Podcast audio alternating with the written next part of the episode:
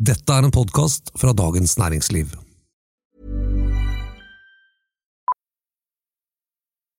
Millions of people have lost weight with personalized plans from Noom, like Evan, who can't stand salads and still lost 50 pounds.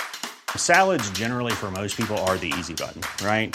For me, that wasn't an option. I never really was a salad guy. That's just not who I am. But Noom worked for me. Get your personalized plan today at Noom.com.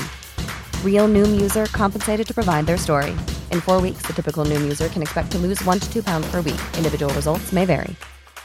Life is full of awesome what ifs, and some not so much, like unexpected medical costs. That's why United Healthcare provides Health Protector Guard fixed indemnity insurance plans to supplement your primary plan and help manage out of pocket costs. Learn more at uh1.com. When you make decisions for your company, you look for the no brainers. And if you have a lot of mailing to do, stamps.com is the ultimate no brainer. It streamlines your processes to make your business more efficient, which makes you less busy. Mail checks, invoices, legal documents, and everything you need to keep your business running with stamps.com.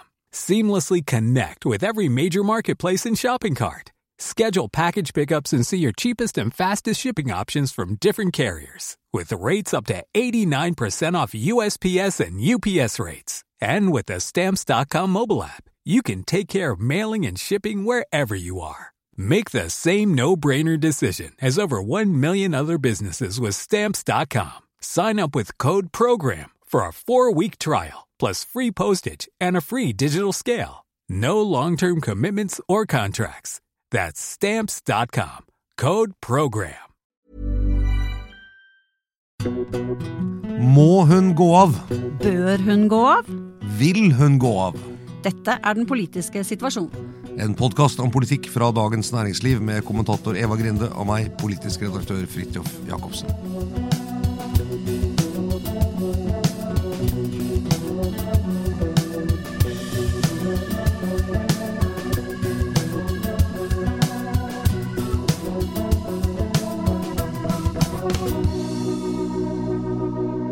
Ok, Fridtjof. Nå gjør vi sånn som vi gjør med folk vi intervjuer. Svar enten ja eller nei på disse spørsmålene. Én. Må hun gå av? Nei. Bør hun gå av? Ja. Vil hun gå av? Nei. Ah. okay. Da må jeg spørre deg, Eva. Dine svar. Må hun gå av? Nei. Bør hun gå av? Ja. Vil hun gå av? Ja. Og vi snakker om Erna Solberg. Vi gjør det. For de som lurte. Jeg tror ikke det var så mange som lurte, men, men kanskje. Litt kryptisk intro her, men vi, det har vi råd til i dette nyhetsbildet, for å si det sånn. Vi legger til grunn liksom at uh, det meste er kjent. Egentlig skulle vi, vi kunne sluttet her, ikke sant? men vi har jo en uh, liten halvtime her hvor vi skal prøve å utdype svarene våre. Men eh, vi, vi legger til grunn altså at lytterne har fått med seg denne nyheten som har dominert det dagsorden, ikke bare den politiske, men hele Norges dagsorden helt siden fredag eh, forrige uke. Eh, Sindre Finnes, Erna Solbergs ektefelle, har drevet utstrakt aksjehandel mens hun var statsminister. Over 3600 forskjellige handler. Eh, og dette har hun fortalt om, og sagt at eh, hun visste ikke noe om det, og ble ført bak lyset om dette av sin egen ektefelle. Eh, gjennom mange år, inntil hun fikk rede på det rett før valget og kom ut med dette på fredag etter valget. Ja, ikke sant. Dette var vel historien sånn kort fortalt sånn som den har vært orkestrert fra Høyre sin side.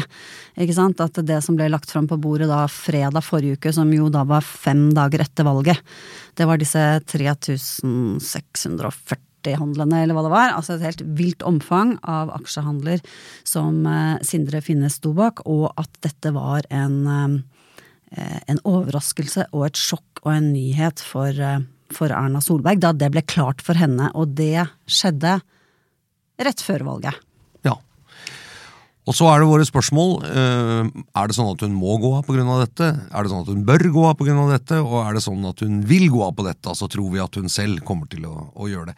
La oss begynne med det første, da, som kanskje er litt sånn formalistisk. Er det sånn at hun er nødt til å gå av som Høyre-leder og statsministerkandidat eh, av denne situasjonen. Det svarte vi vel nei på begge to.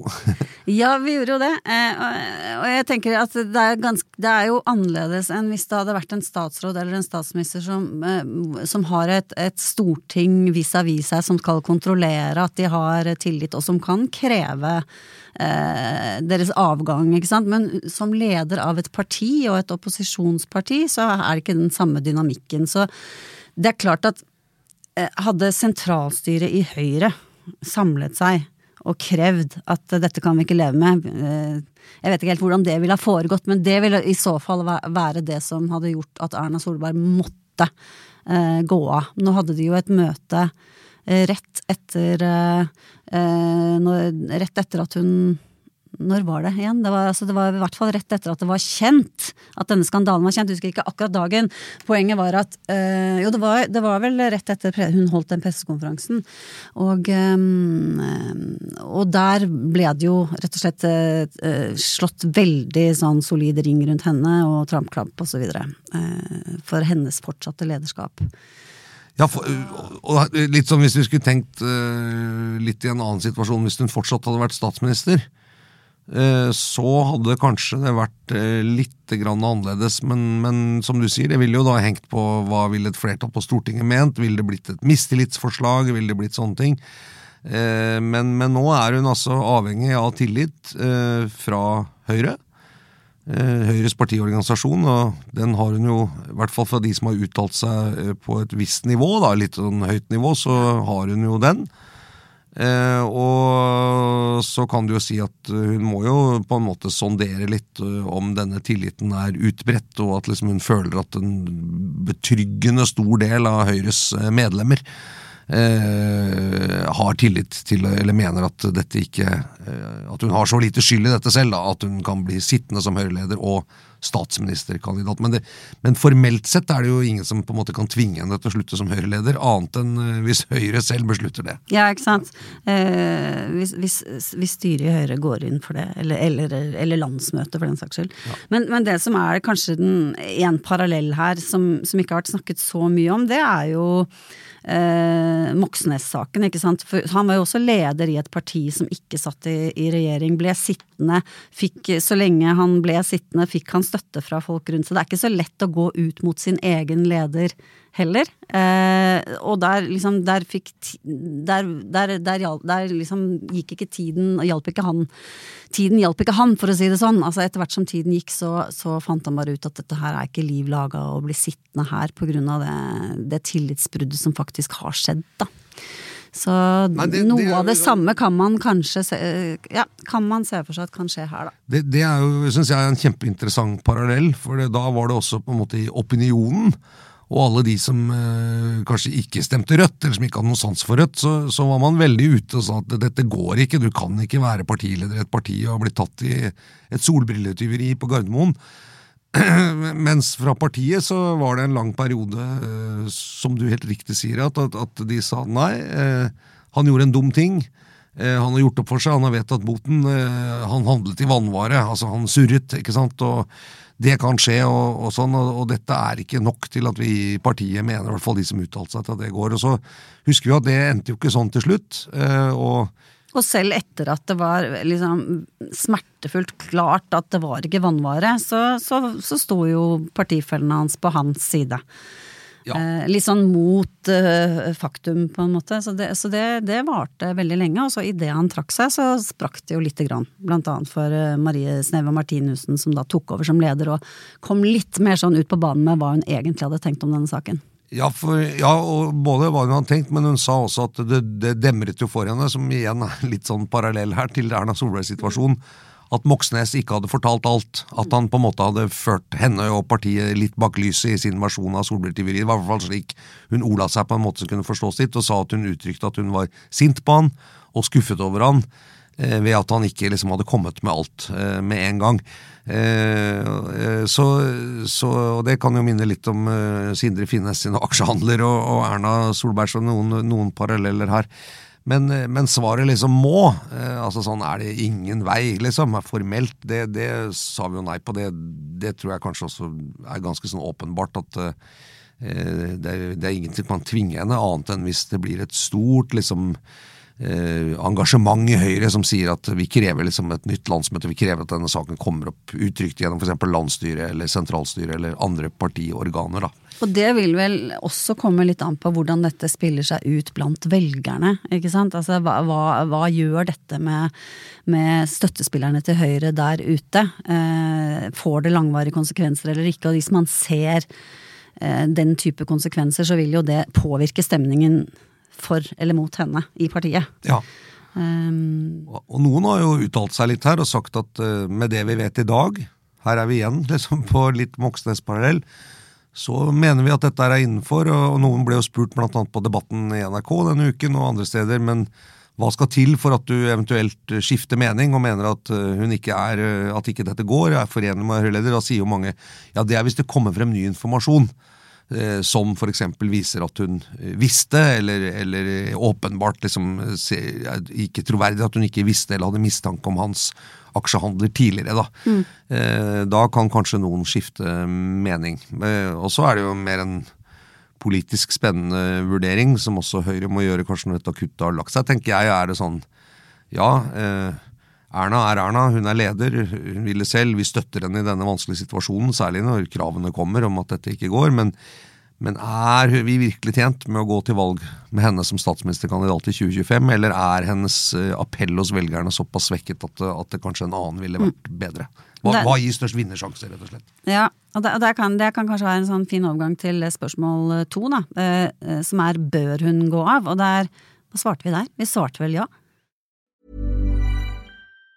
If you thought the only way to get a more defined jawline with natural looking results was through surgery, think again. Juvederm Volux XC is a non surgical injectable gel filler that improves moderate to severe loss of jawline definition and can help you achieve natural looking results with little downtime. Even better, this improved definition lasts up to one year with optimal treatment. No maintenance required. Improve jawline definition for a smooth, sculpted look with Juvederm Volux XC. For important safety information and to find a licensed specialist, visit Juvederm.com. That's J U V E D E R M.com. Not for people with severe allergic reactions, allergies to lidocaine, or the proteins used in Juvederm. Common side effects include injection site redness, swelling, pain, tenderness, firmness, lumps, bumps, bruising, discoloration, or itching. There's a risk of unintentional injection into a blood vessel, which can cause vision abnormalities, blindness, stroke, temporary scabs, or scarring. Talk to a licensed specialist specialist to find out if it's right for you. When you drive a vehicle so reliable it's backed by a 10 year, 100,000 mile limited warranty, you stop thinking about what you can't do and start doing what you never thought possible. Visit your local Kia dealer today to see what you're capable of in a vehicle that inspires confidence around every corner. Kia, movement that inspires. Call 800 333 4KIA for details. Always drive safely. Limited inventory available. Warranties include 10 year 100,000 mile powertrain and 5 year 60,000 mile basic. Warranties are limited. See retailer for details. Ja, det normative, ja. Rett og slett. Det normative. Ja, hva, mener vi? Ja, hva mener vi? Bør hun gå av? Eh, ja. jo, jo, men det er jo noen grunner til det, i så fall. til, at, til at man mener det, ikke sant? Altså ja. ja hva, mener kan... du, hva, mener du, Eva? Du, du svarte ja, men, men, hvorfor mener du at dette ikke er forenlig med å bli sittende som Høyre-leder og være statsministerkandidat? Eh, jeg, jeg, tenker at eh, det er, det, er, en veldig veldig vanskelig historie for Erna Solberg. Altså det, er ikke, det er ikke bare en hvilken som helst eh, politiker vi snakker om her. Vi snakker om, om en som nærmest har vært sett på som nasjonens mor gjennom åtte år. Og så kommer hun jo i en helt forferdelig vanskelig situasjon, som alle sammen kan kjenne seg igjen i, ikke sant, eller skjønne, forstå. Eh, men så, så, så, det, ene, det, ene, er jo det, at hun har da hatt i liksom boende nær seg en, eh, en person som lyver og som skjuler det han driver med, og som dermed også er en sikkerhetsrisiko for riket.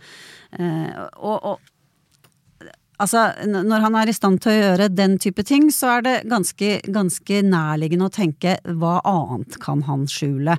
Eh, når snakker han sant? Hvorfor i all verden skal vi tro på han noen gang? Ikke sant? Sånn at han blir en sånn liability sant, i det forholdet der, og de to er jo stadig eh, Team Erna, eller har i hvert fall vært fram til nå, da. Så, så, så, det er jo en av grunnene til at eh, Men ikke sant det er den ene historien som Det begynte jo med at, at, hele det norske folk nærmest kollektivt syntes veldig synd på Erna Solberg, og det er menneskelig. Men så, så, så begynner jo hele den historien å dra seg opp. Hva har skjedd siden 2013? Hva er alle de punktene siden 2013 hvor hun burde forstått at her er det mer enn hva godt er av aksjehandler eh, hos eh, Sindre Finnes? Men, men, la oss dvele litt ved det første punktet du sier her, ja. nemlig Sindre Finnes. Eh, og her syns jeg det, dette minner litt om det redaktøren i Minerva hva Nils August Andresen har sagt ved et par anledninger, og også skrevet, at eh, det finnes ingen vei for Sindre Finnes tilbake i statsministerboligen. Og, og, på debatten i går, eh, fordi rett og slett han har, som, som Nils August Andresen har sagt, han har ikke bare løyet for sin ektefelle Erna Solberg, han har også løyet for Norges statsminister. Og også for embetsverket, da, på, eller løyet, i hvert fall ikke gjort det han skulle med tanke på embetsverket på statsministerens kontor, hvor han jo skulle liksom holde eh, de løpende orientert om hvilke aksjer han var ute og inne av. Da har jeg lagt til at, og, og i den forbindelse også for hele det norske folk. Ikke sant. Eh, men som eh, jeg tror det var Martine Aurdal eh, fra Dagbladet, kommentator i Dagbladet, som da konfronterte Nils August Andresen med dette i går hos, i den debatten hos Fredrik Solvang, og sa ja, men da er jo løsningen på det at de blir skilt, og at hun da, hvis hun skal flytte inn i statsministerboligen og være statsminister, så kan hun gjøre det uten Sindre Finnes. Altså det vil si at ikke de lenger er gift. Løser det problemet?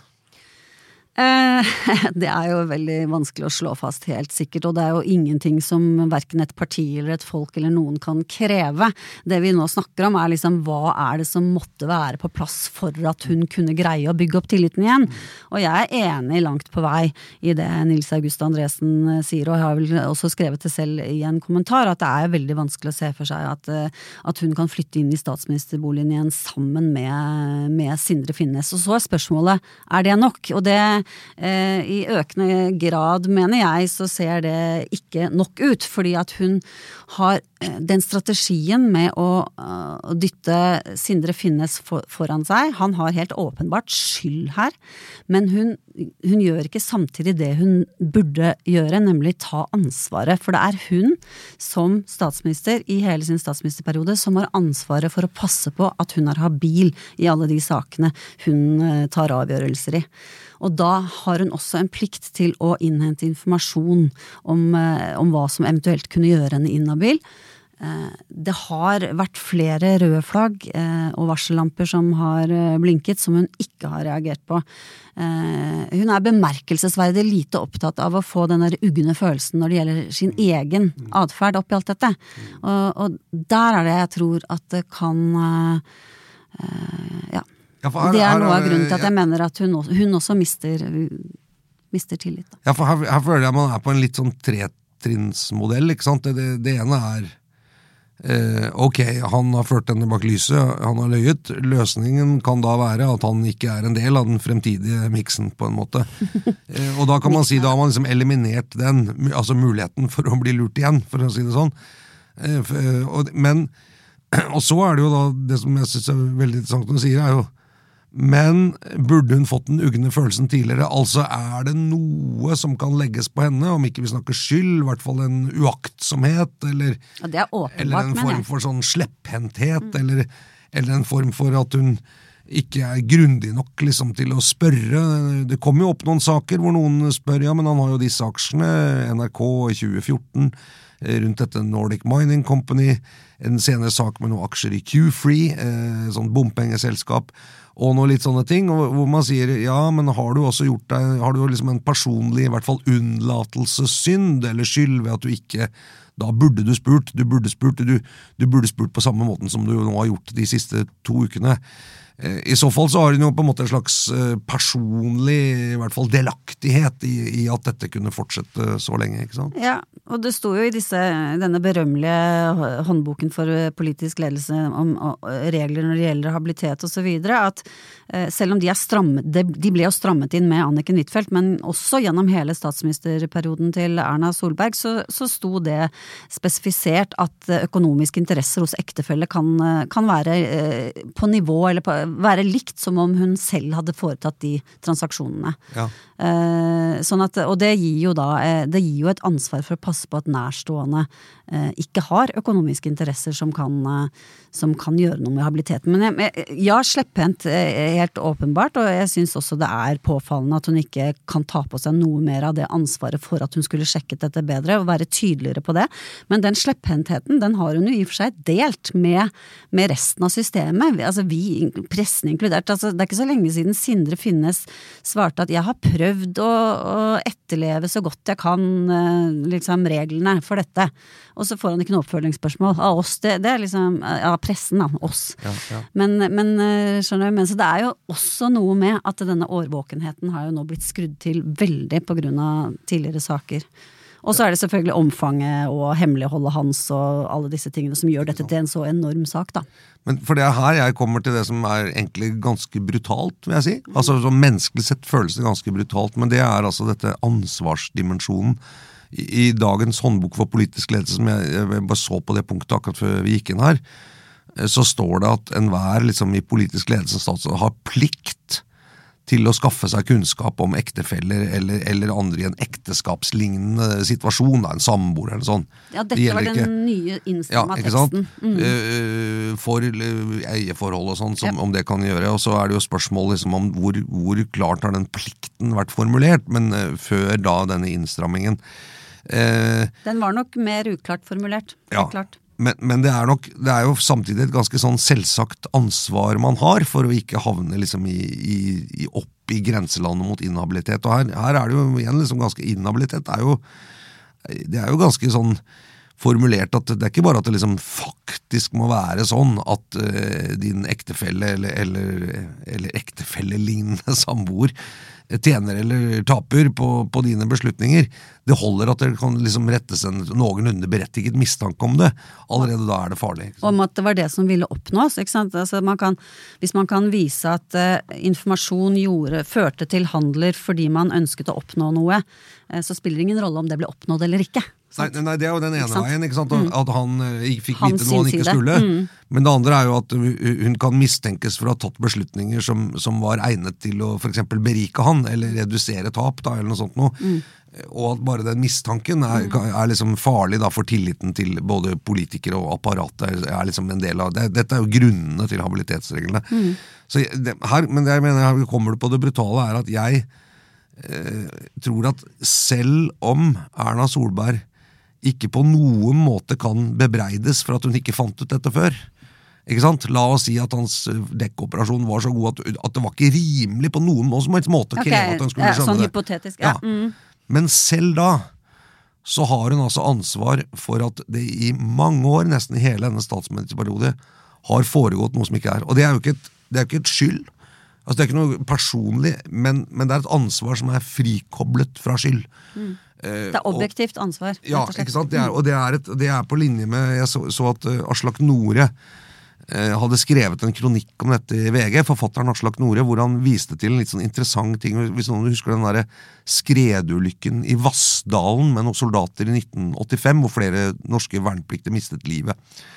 Eh, da var det veldig sånn ja, de gikk inn i et galt område som var skredfarlig. Det skjedde en ulykke. Eh, hvem kan egentlig blames for det? Var det, det han som ledet dem inn der, liksom sersjanten eller løytnanten? Var det liksom forsvarssjefen var det som vendte bakken, Men da gikk en som het uh, oberst Arne Pran, som var da sjef for Brigade Nord i den store avdelingen der oppe som, hvor den øvelsen var. Han husker jeg gikk ut og sa det er mitt ansvar at dette skjedde, selv om han ikke selvfølgelig ikke hadde noe med den beslutningen å gjøre. og Jeg jeg tar det ansvaret, og jeg går av. Og han ble veldig eh, Han fikk en veldig høy status på det. Folk oppfattet at det var liksom en veldig riktig ting å gjøre. Vi har litt sånn der ymse tradisjon, da, i, særlig i politikken kanskje i Norge, for akkurat det der, med hele den ideen om at jeg tar ansvar med å bli sittende så videre. Det var vel egentlig, startet vel med Jens Stoltenberg etter 22. juli. Mm. Men, eh, men du tror altså, hvis vi skal ta, komme fram til, til, eh, til spørsmål tre, da. Kommer hun til å gå av av egen fri vilje? Men du tror ikke det. Nei, men kan, vi bare ligge, litt i dette bør, for det Ja, er jo liksom okay. meningen vår. Og det, og det er litt bare litt sånn vi, det, det er jo ikke vi, Selv om vi mener at hun bør det, og jeg, og jeg mener hun bør gjøre det av hensyn til tilliten til både politikere og politiske institusjoner og hele systemet. Fordi jeg tror hvis man Det, det vil alltid være på en måte helt menneskelige og legitime grunner til å si at ja, men dette, dette hadde du jo faktisk ikke noen personlig innvirkning på, så er det rimelig at du da skal måtte ta belastningen med å liksom miste livsverket ditt og det du ønsker. Det føles jo brutalt, og det går an å sette seg inn i det, men, men det er en del sånne ting i, i det norske samfunnet. Det er eksempel sånn at hvis du, hvis du er selvstendig næringsdrivende og, og, blir syk, la oss si at du får liksom slag eller blir sykmeldt og ikke klarer å levere et regnskap innen tiden, eller, eller liksom betale moms og sånn, så, så, så, må du likevel ta ansvar for at det ikke skjedde, og, og kan i noen tilfeller bli straffet for det med straffeskatt eller andre typer ting. ikke? Så, så, liksom en del av systemet er det der brutale ansvaret som du må ta noen steder. og Hvis man begynner å underminere det, spesielt da hos politikere, så, så blir det jo lett for alle å si ja, men dette visste jeg ikke noe om, og da kan jeg ikke ta ansvar. Jeg kan ikke ta ansvar for noe jeg ikke visste noe om. ikke sant? Nei. Ja, det er, det er den presedenssaken uh, der, og hvis du på en måte kan finne en syndebukk altså Det er jo det er mye forståelse i næringslivet for, eksempel, for at liksom, en toppleder ikke skal peke på en eller annen under seg som man egentlig har ansvaret for. Så det kan jo ligne litt. Uh, dette med å ta ansvaret for det noen uh, underordnede har, har gjort. Så, og det er jo flere som har pekt på at det, det, det bør hun gjøre. La, la, oss si et meglerhus da, som har veldig strenge regler for innsidehandel, og utrolig strenge kontrollmekanismer. Men la oss si at noen klarer på en måte å lure det systemet, en utro ansatt, og drive med litt innsidebasert virksomhet. ikke sant? I, la oss si et uh, DNB Markets altså, eller Nordea eller et eller annet. Jeg tror man ville forventet at lederen da måtte gått av, hvis det hadde skjedd. liksom. Selv om lederen ikke hadde hatt noen sa jeg hadde strenge kontroller. I hvert fall hvis det kom ut. hvis ikke de bare greide ja. å ordne det på kammerset. Jo, jo, men, ja, men, men altså, du skjønner, det, det, ligger, ja, det, ligger, noe med det. Og jeg, jeg, tror det er, jeg, tror det er, farlig hvis politikere begynner å si at vårt ansvar er relativisert, mens andre steder i samfunnet så er det et absolutt ansvar. ikke sant? Det, det tror jeg er dumt, da. Ja, absolutt. Sånn, ja. Men så til prediksjonen, ja. Vil hun gå av? Her var jeg litt lur, da, Eva. Du var litt lur, ja. ja for jeg tenkte du kan si 'vil hun gå av', så tenker jeg ja, hva vil hun selv? Nei, ja, ikke sant? Ja, ja, ja, det sa vi, men vi presiserte jo ikke det. Kommer hun til å gå av? ikke sant? Hun til å gå av? Nei, hun vil jo ikke gå av. Nei, det er klart. Nei. Nei, Så det var det du svarte på, altså. Men, ja. Neida, men... Det, er, det, er, jo faktisk altså Jeg sa ja, hun kommer til å gå av, og det er fordi at jeg tror disse problemene kommer til å tårne seg så vidt opp for henne, og at det blir såpass mange spørsmål som aldri får ordentlig gode svar. Det blir liksom en sånn evig runddans med medier, og hun kommer til å skjønne at dette er ikke bra for partiet Høyre at jeg fortsetter på toppen her. Det er det jeg tror. Mm. Men så er jo verden ganske sånn overraskende noen ganger, da. Altså La oss si liksom det ro, på en eller annen måte roer seg litt ned, hun holder seg litt sånn i, i baklandet en stund, og det går litt tid, og eh, skiller seg fra Sinde Finnes, og så videre. Kommer tilbake. Det kan skje. Ja, altså forskning viser jo, kanskje også erfaring, som vi har gjort etter hvert, at, at uh, både uh, den norske befolkningen er, er, glad i å tilgi. Uh, altså Det er jo en fin ting i Norge. Vi, vi kan tilgi ting, og man kan gå videre. og glemme ganske fort. Først glemme, ja, ja. tenker jeg. Det, og, og, det taler jo for at hun på en måte kan ri denne stormen av, ikke sant? Eh, men det er jo som du sier, det jeg ikke har hørt henne svare på det, Nå sier hun jo ikke noe mer, nå er det jo tyst, ikke sant? Men det er jo Jeg vil gjerne høre Erna Solbergs egne refleksjoner om akkurat den ansvarsdimensjonen. Hva slags eksempel er det egentlig hun setter for fremtidige statsministre eller statsråder, eller for andre politikere, ved å si at eh, siden jeg ikke visste noe om dette, så, så vil jeg heller ikke ta ansvar for det. ikke sant? det, det, er jo, og Her snakker vi ikke bare om leder for Høyre, men her snakker vi også om at hun, at hun er en høyst troverdig, i hvert fall frem til nå, statsministerkandidat i 2025, og har uttrykt et mål om å bli statsminister igjen. og Hun, hun sa jo til og med på pressekonferansen sist fredag at Eh, når, når, jeg flytter inn i statsministerboligen igjen, så vil vi liksom ha regler for å håndtere det. Ja, Det var jo også eh, ganske morsomt, på en måte. da. Altså Hvordan hun så for seg at man skulle passe på, passe på Sindre Finne, sånn at han var liksom under, til enhver tid under konstant administrasjon fra, fra statsministerens kontor. Det, det bare belyser litt sånn det absurde i den situasjonen. For det, det, gikk jo SMK ganske sånn lakonisk ut og sa at nei, du, sånn blir det ikke. Nei. Vi driver ikke sånn, vi kan ikke drive og overvåke eventuelle ektefeller som ikke gidder å følge reglene. Altså, Det er ikke vår jobb. Nei. Så, så den quick-fixen, den gikk ikke. Nei, den, den, og, det, og det, det, var, det var en der merkelig ting å si. Det var, det var liksom sånn, ja, hun har jo planlagt å flytte inn der i 2025, og ordner det på den måten, liksom. Ja da, og, og meningsmålinger tyder jo på at det, er et helt realistisk scenario at det kan skje, ikke sant? Men eh, per nå, i hvert fall. Men, men, Ja, men, jeg- men jeg Mm, syns fortsatt ikke liksom hun har Nei. Og det er det jeg, det jeg lurt på, liksom, hva blir hennes eh, ja, Eller jeg skal spole tilbake. for Jeg, jeg tror liksom jeg er enig om at enn så lenge så er det hun, hun, bar, hun og bare hun som avgjør. Eh, det er ikke noe press fra Høyre om at hun skal gå av. Eh, hun kan selv på en måte være herre over sin egen fremtid, eller, eller eh, herre blir kanskje feil, men du skjønner. Frue. Fru. Ja. det høres litt gærent ut, det òg. Hun bestemmer selv. Mm. Men, men og, og man kan skjønne at dette er en så akutt situasjon, det er ganske mye å ta inn, at dette har foregått uten at han visste om det, at det har satt litt langt inne å få ut sannheten av, av sin ektefelle osv. Men når kommer refleksjonen om hva var mitt ansvar? Og hvordan skal jeg svare på det til meg selv, og hva ville jeg forventet av andre i denne situasjonen? Det, det skulle jeg gjerne hø- hørt Erna Solberg si om det, og hvis hun kan hvis hun kan på en overbevisende måte si at det mest ansvarlige her er faktisk å bli sittende og gå videre, eh, så får man jo se hvordan det går. Men, Ja. men jeg ser ikke hvordan man skal kunne argumentere for det. Nei, det er akkurat det. Så hvordan ville de argumentene se ut? Det er de som, som ikke er så lett å få tak i. Så ja. Men, men hun kan jo samtidig gjøre, og det er mye som tyder på det på alt som har vært nå, i hvert fall. Hun har sagt jeg har bestemt meg for at jeg, det, dette, at min mann på en måte har sveket meg, skal ikke koste meg eh, jobben som leder i Høyre. Det har jeg bestemt meg for. Og da er det hell or high waters. Jeg bare står rett på. Og jeg er forberedt på å stå i denne stormen til den er ferdig. Og så skal jeg gå videre, og jeg skal være statsministerkandidat. Og jeg vil flytte inn i statsministerboligen igjen. ja. Punktum. Og hun er jo sta, ikke sant? Du kjenner jo Erna. så- Er eh, de, er, de er vel eh, to ganske sta personer begge to, har jeg følelsen av. Ja. Men, men eh, Men det, det er jo ganske dilemma å tenke, tenke seg at du, du står i en sånn situasjon at du må overbevise, i den grad du overbeviser det norske folk om at ektemannen som har stått ved din side, som liksom er del av det bildet du har gitt av deg selv utad, har bare lurt deg trill rundt. I den grad du får til det, så sikrer du din egen politiske karriere. Det er, det, det er et, vi kan skjønne at det er et vondt dilemma. det, er noe, det er litt noe TV-serieaktig over Det noe akkurat det der. TV-serieakt over det. Eh, Men, men hvis man skal se på Solbergs politiske historie, så er det jo det, altså mediestorm og storm av kritikk osv. Det har hun eh, vist at hun evner å stå i utrolig liksom, uanfektet utad. Eh, hus- Husker du den der med reservasjonsretten eh, mot abort, som var et slags kompromiss hun hadde gått med på KrF liksom, eh, i, i avtalen der?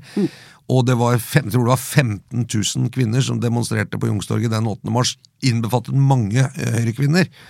Og hun sto helt fast. Sa, ikke sant? Jeg, jeg, det gjør ikke inntrykk på meg, eller må gjøre inntrykk på meg, men jeg skifter ikke mening. Også sånn som hun har liksom taklet alle sånne sprell fra Frp-ere. Ja. og ikke sant? Hun har, har det jo med bare liksom å være utrolig rolig. Nå er hun i en helt annen situasjon, selvfølgelig. og det eh, Jeg skjønner godt at hun har hjemmekontor noen dager nå, det må jeg si. Ja. Men, men jeg tror enn så lenge, hvis det ikke endrer seg, så tror jeg hun er fast bestemt på å si at eh, dere kan kritisere meg så mye dere vil. Jeg skifter ikke mening. Jeg kommer til å bli der. Og hvem kan hindre henne? Hvis hun har bestemt seg for det, hvem kan hindre henne i det? Og hvis hun ikke vil skifte mening, ja, da må Høyre på en måte ta grep da, for å kaste Erna Solberg. Hva vil det utløse av eh, splid i partiet? Hvor skadeskutt vil det bli? Tør partiet det? Jeg er litt usikker. Ja, spørsmålet er hva, hva gjør, gir størst skade? Jeg tror hun kommer til å gå i seg selv og finne ut at eh, jeg, jeg skader partiet ved å bli sittende. Um, og jeg går av. Ja. Frivillig. Ja, jeg er ikke overbevist. om det. Men det får vi jo se. Men nå er vi jo litt sånn mer overbevist enn vi egentlig er, da. For the sake of the podcast.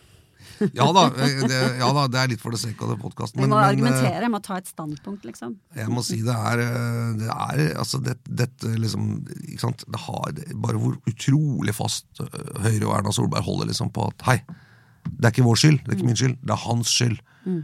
Og det er ingen rimelighet at vi skal liksom eh, måtte ta noe offer på det. Det er ille nok det som har skjedd med oss. Punktum. Det er ganske heftig det er ganske heftig det vi ser utspille seg foran øynene våre nå. Det er tøft. Temmelig brutalt. Det er temmelig brutalt. Det er det.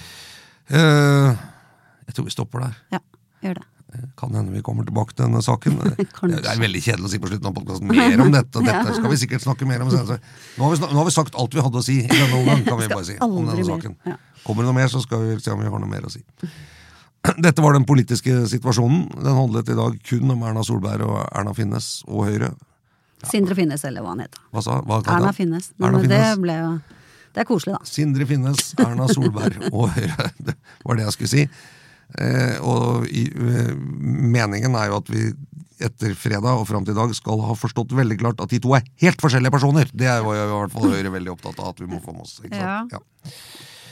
Og de som satt i studio, var kommentator Eva Grinde og politisk redaktør Fridtjof Jacobsen. Også to helt forskjellige personer, selv om vi er enige om et par ting i dag.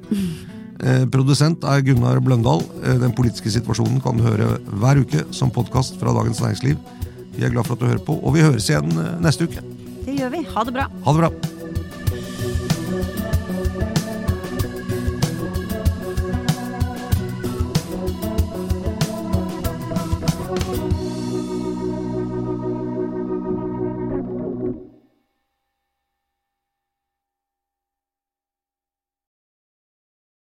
Du har nå hørt en podkast fra Dagens Næringsliv.